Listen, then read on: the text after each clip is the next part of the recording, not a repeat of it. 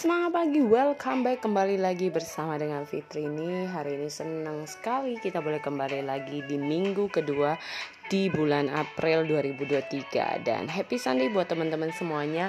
Tidak terasa ya teman-teman uh, seminggu demi seminggu kita lalui.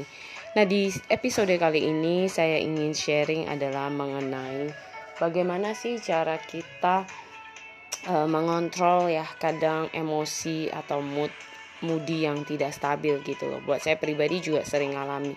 Jujur teman-teman, awal pertama kali itu rasanya berat sekali, tidak semudah yang dibayangkan ya. Kadang apa-apa yang terbawa uh, kondisi, keadaan, situasi membuat kita jadi terbawa suasana juga. Namun satu hal yang saya belajar adalah tetap tenang.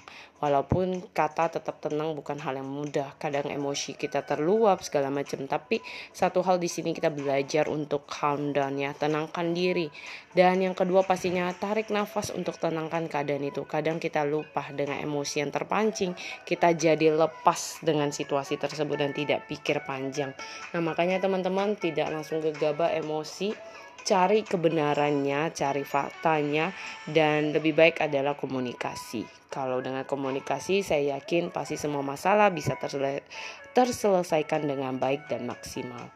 Semoga di episode ini uh, boleh bermanfaat buat teman-teman dan menginspirasi teman-teman untuk keep calm down and communicate. Dan have a nice day.